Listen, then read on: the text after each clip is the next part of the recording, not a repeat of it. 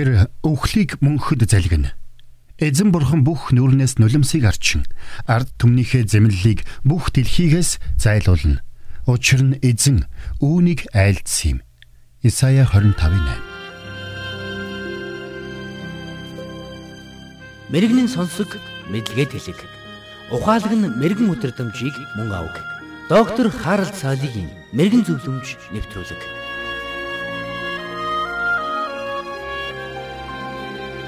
Нэгэн бяцхан сонсогч маань надаас саяхан миний нохой машинд дайруулад өгчихсэн. Бурхан яагаад ийм зүйлийг зөвшөөрсөн болохыг та надад тайлбарлаж өгөөч хэмээн асуусан юм. Үнэн дээр энэ мэд зарим асуултад теологчид хүртэл хангалттай хариулт өгч чаддгүй шүү дээ. Тэгвэл тэр хүүхдийн эцэг эхэн түүнд юу гэж хариулах ёстой вэ?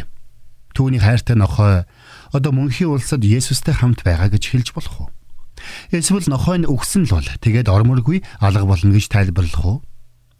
Хайртай нохойгоо алдсан хүүхдийн сэтгэлийг тайдгаруулах ямар үгсийг бид хэлж болох вэ? Үнэн дээр ихэнх томчууд хүүхэд тэжээвэр амьтандаа ямар их тасаж дотносдгийг тэр бүр анзаардаггүй. Би өөрөө ч баг байхдаа нохоо тэжээдэг байсан. Хаашаал явна өргөлж нохоотойгоо явдаг байлаа.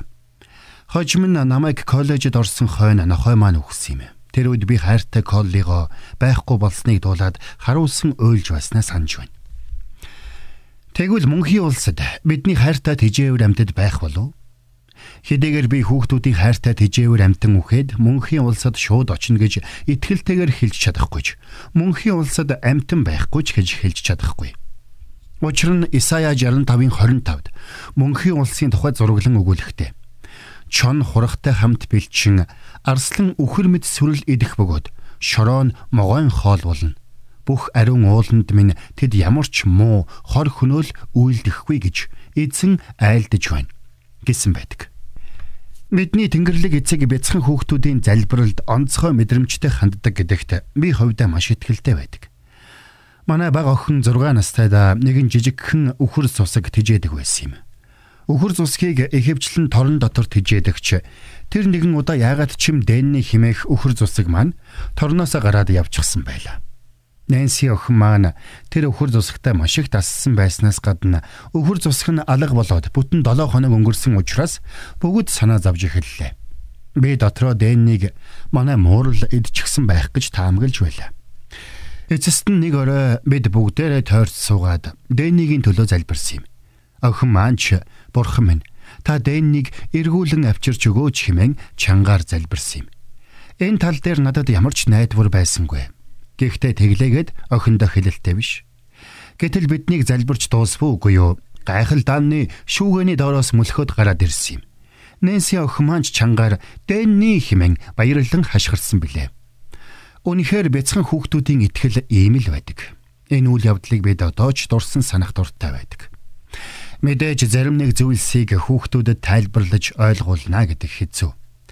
Нэгэн бяцхан хүүгийн тоглоом машин эвдрээд ажиллахаа болж Тэгээд бяцхан хүү аав дээр ирээд уйлан байж "Аава, миний машин яагаад ажиллахгүй байгаа юм бэ?" хэмээн асууж гин. Харин электроны инженер аав нь тоглоомыг нь шалгаж үзээд цахилгаан дамжуулагч хавтан нь эвдэрсэн болохыг олж тогтоожээ. Гэхдээ бяцхан хүүнэ цахилгаан дамжуулагч хавтан гэж мэдэхгүй учраас аав нь хүүгээ тэрвэрэд "Аав нь хүүдэ хайртай шүү. Аав нь тоглоомыг нь засаад өгье" гэж хэлж гин хүүнч тайвширч нулимсаарчаад өөр тоглоомороо тоглохоор явсан гэдэг. Библийн сүүлийн ном болох Илчлэл номд өгүүлэхтэй. Мөнхийн улсад Бурхан бидний нүднээс нулимс бүрийг арчих болно хэмээн тунхагласан байдаг. Үүнхээр мөнхийн улсын хаалгаар алхан орох үед бидний дотор ганцхан яагаад гэсэн асуулт үлдэх болно. Тэр нь та яагаад намайг ийм ихээр хайрлсан бэ гэсэн асуулт байх болно та хайрлахын аргагүй биднийг яагаад хайрлсан бэ? Яагаад бидний төлөө дэлхийд ирж загалмай дээр амиа өгöd биднийг мөнхийн улстай хөтлөн оруулсан бэ хэмээн тэр цагт бид асуух болно.